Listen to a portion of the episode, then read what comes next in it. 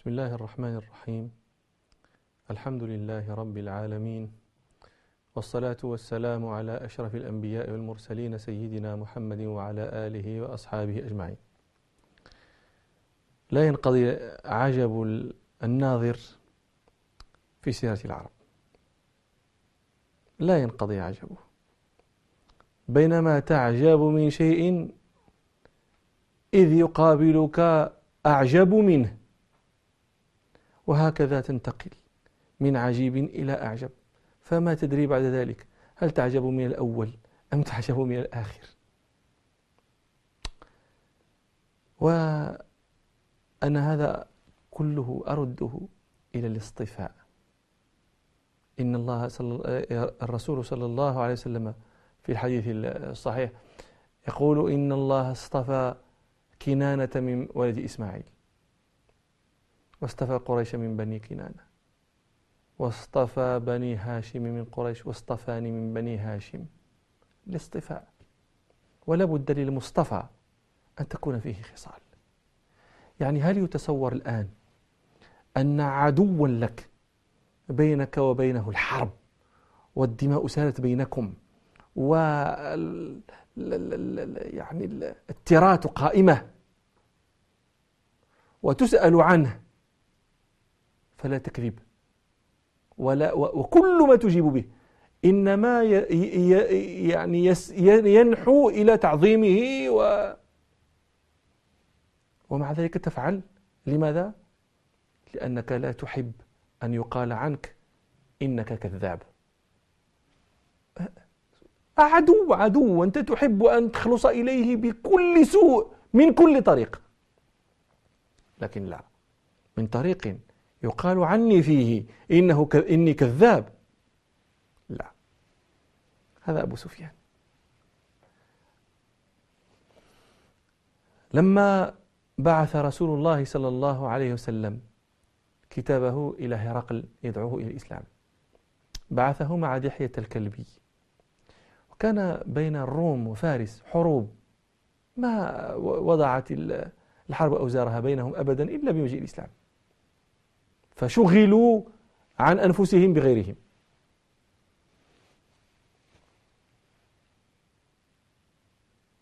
لكن انتصر الروم. فذهب هرقل من حمص إلى إيليا مشيا. شكرا لله أن نصره على فارس. ثم أتاه لما كان في إيليا وصله كتاب رسول الله صلى الله عليه وسلم. فلما وصله الكتاب قال لمن معه انظروا هل في الشام رجل من آه، قوم هذا الذي يزعم إنه نبي؟ فقال آه، كانوا ابو سفيان كنا في الشام في تجارة فأتونا وأخذونا.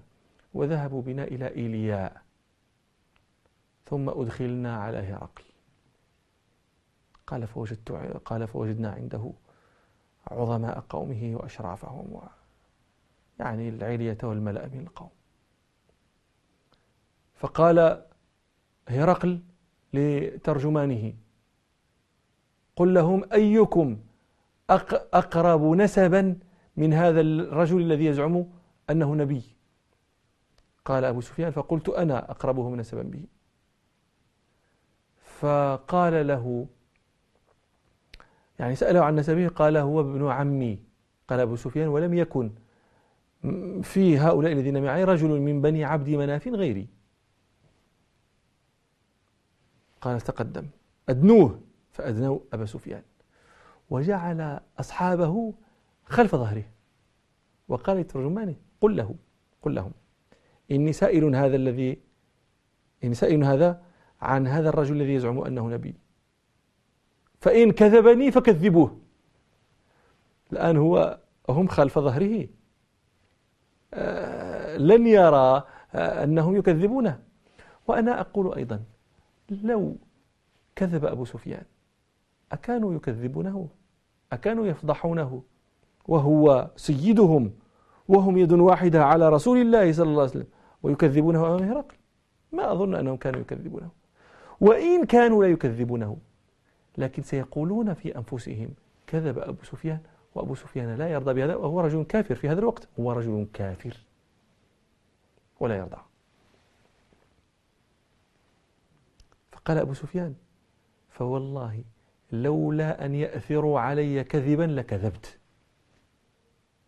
أنا عدو بيني وبينه عداوة فأكذب. كل كذب أقوله لكن المشكل وإن لم يكذبوني أنا أنا هكذا أظن. أظن أنهم ما كانوا ليكذبوه. لأن غرضهم واحد ويرمون عن سهم واحدة. لكن القضية أنهم سيقولون كذب أبو سفيان. وإن لم يقولوها لهرقل سيقولونها لأنفسهم. وأبو سفيان لا يرضى بهذا. السيد لا يكذب. شيخ القوم لا يكذب. هذا الكذب شأن السفلة ليس شأن السادة.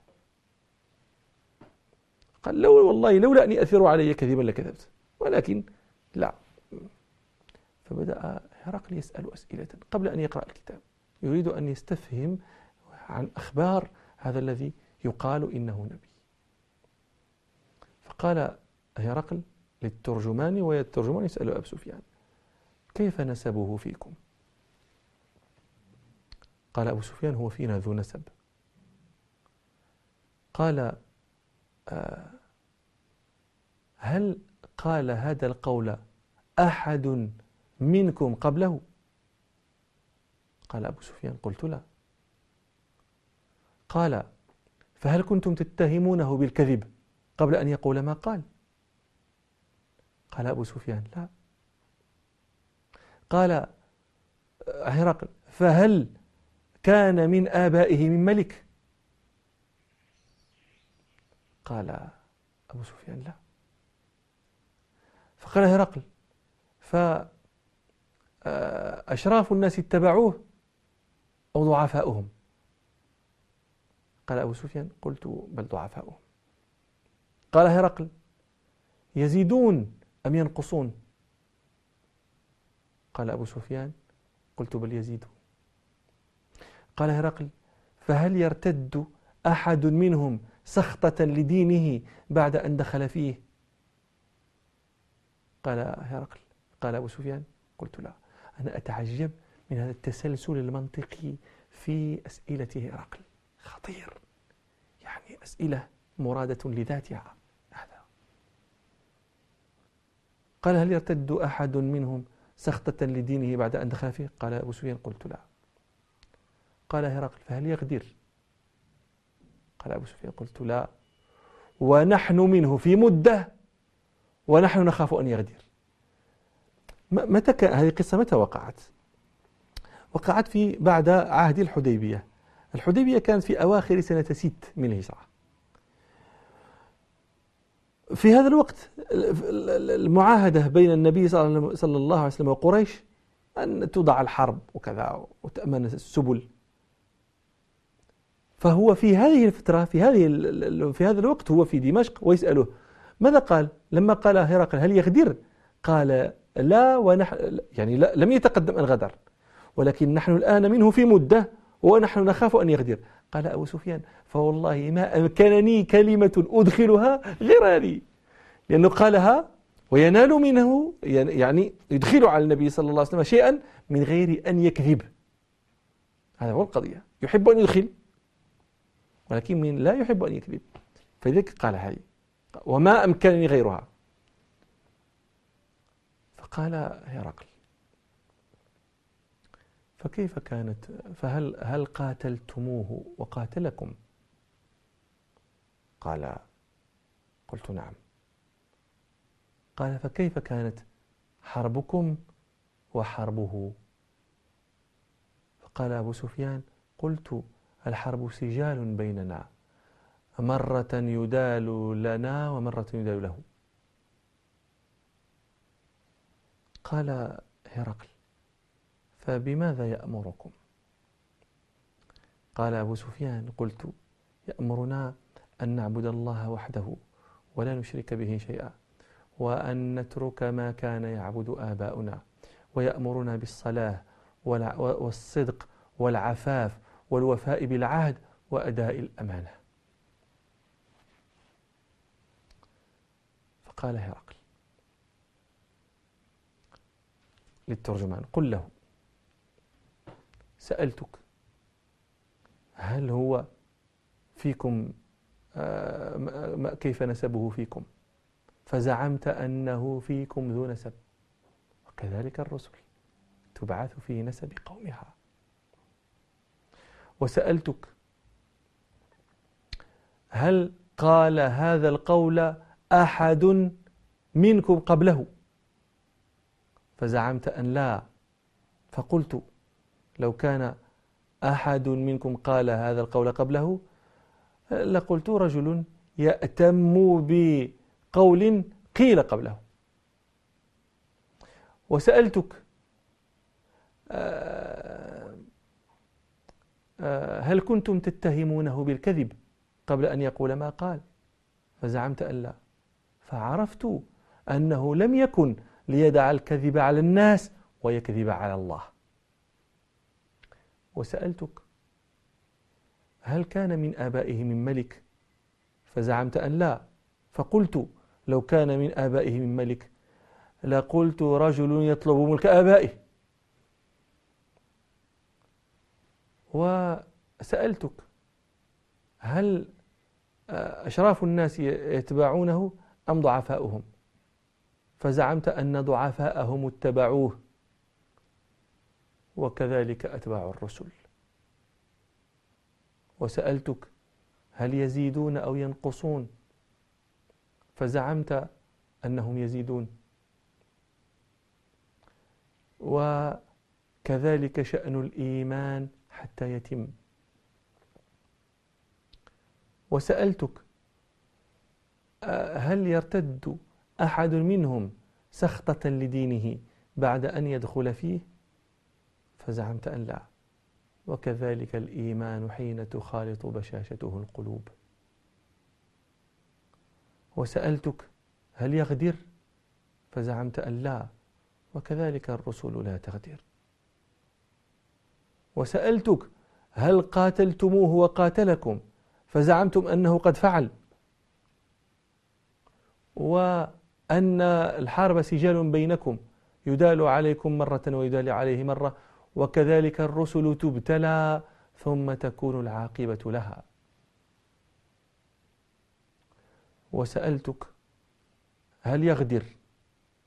فزعمت أن لا وكذلك الرسل لا تغدر. وسألتك بماذا يأمركم؟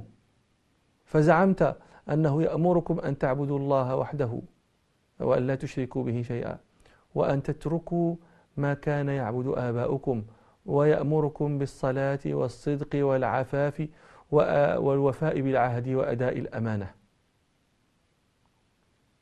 وهذه صفة الرسل.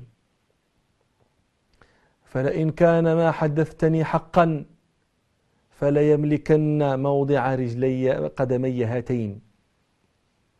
ولقد كنت أعلم أنه خارج ولم أكن أظن أنه منكم. ولو أعلم أني أصل إليه لتجشمت لقية ولو كنت عنده لغسلت عن قدميه. ثم أمر بكتاب رسول الله صلى الله عليه وسلم فقرأه فإذا فيه بسم الله الرحمن الرحيم. من محمد رسول الله صلى الله عليه وسلم. إلى هرقل عظيم الروم. سلام على من اتبع الهدى. أما بعد فإني أدعوك بدعاية الإسلام. أسلم تسلم. يؤتك الله أجرك مرتين. فإن توليت فعليك إثم الأريسيين.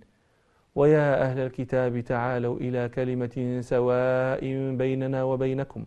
ألا نعبد إلا الله ولا نشرك به شيئا. ولا يتخذ بعضنا بعضا أربابا من دون الله. فإن, فإن تولوا فقولوا اشهدوا بأننا مسلمون. قال فلما قرأ الكتاب نخر عظماؤه. قام اللغط وكثر عنده الضجيج. فأمر بنا فأخرجنا. فلما خرجنا قلت لأصحابي لقد أمر أمر بن أبي كبشة لقد أمر أمر بن أبي كبشة. ابن أبي كبشة أبو كبشة هذا كنية لأحد آباء رسول الله صلى الله عليه وسلم. فكانوا إذا أرادوا ذمه قالوا ابن أبي كبشة. وأمر أمره أي عظم. قال أبو سفيان لقد أمر أمر ابن أبي كبشة هذا مالك بني الأصفر يخافه. قال أبو سفيان رضي الله عنه فما فلم أزل ذليلا في نفسي حتى أعلم أنه سيظهر حتى أدخل الله علي الإسلام وأنا كاره. أنا الذي لا ينقضي له عجبي هو فعل أبي سفيان. عند هرقل لما أنف أن يقال فيه كذاب. يعني هذه هذه من الغرائب هذه. لا يكذب عدوه. يعني هذا كذب هذا شيء كذبه يعود بالنفع عليه وعلى قومه فلن يكذبه لكن يأنف أن يقال فيه كذاب. يأنف. هذه العرب. أولئك آبائي فجئني بمثلهم إذا جمعتنا يا جاي المجامع. هذه هذه أخلاق القوم. هذه أخلاق القوم. تلك آثارنا تدل علينا. فانظروا بعدنا إلى الآثار. تلك أخلاقهم. لما جاءت هند. زوجته هند بنت عتبة وأرادت أن تسلم والنبي صلى الله عليه وسلم يأخذ العهد يأخذ البيعة منها ومن غيرها من النساء. كما يقول ربنا إذا جاء يا أيها النبي إذا جاءك المؤمنات يبايعنك على أن لا يشركن بالله شيئا ولا يسرقن ولا يزنين ولا يقتلن أولادهن ولا يأتين ببهتان يفترينه بين أيديهن أرجلهن ولا يعصينك في معروف فبايعهن واستغفر لهن الله. لما بلغ قوله ولا يزنين تعجبت هي. قالت أو تزني الحرة؟ الحرة لا تزني. من تزني؟ تزني الأمة. لماذا؟ لأنها لا وازع لها. لا وازع. ستخاف سوء حدوثه ماذا سيقال؟ يا بنت فلان. يا أما هي. لكن الحرة؟ تزني الحرة. تزني. كيف هذا؟ هب أنه لم يكن دين يزع.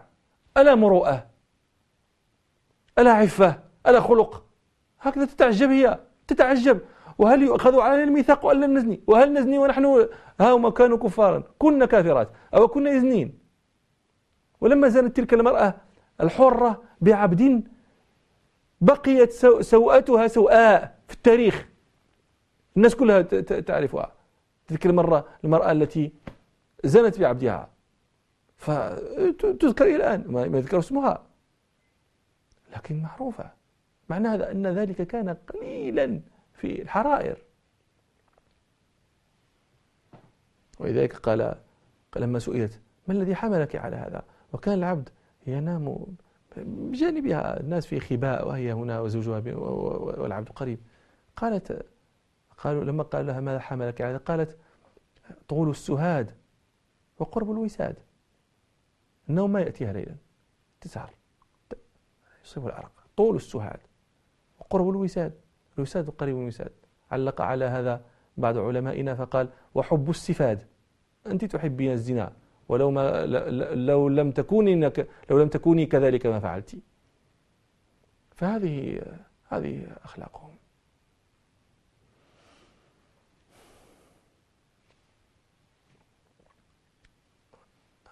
أين أين الناس من الناس؟ أين الأخلاق من الأخلاق؟ أين المروءات؟ أين التجمل؟ أين التعفف؟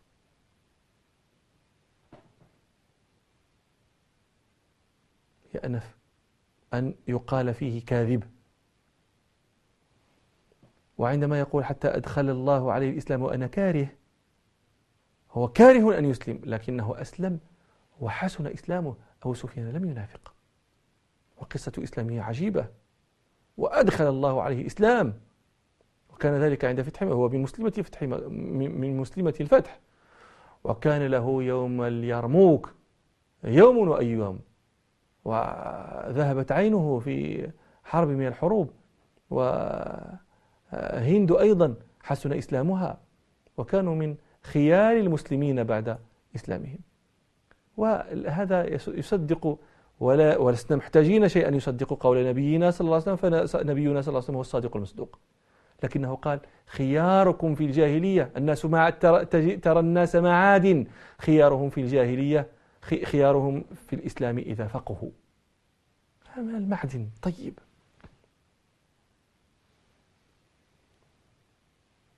فنسأل الله أن نتشبه بهم. فتشبهوا إن لم تكونوا مثلهم. إن التشبه بالرجال فلاح. والله أعلم. وإلى لقاء آخر إن شاء الله.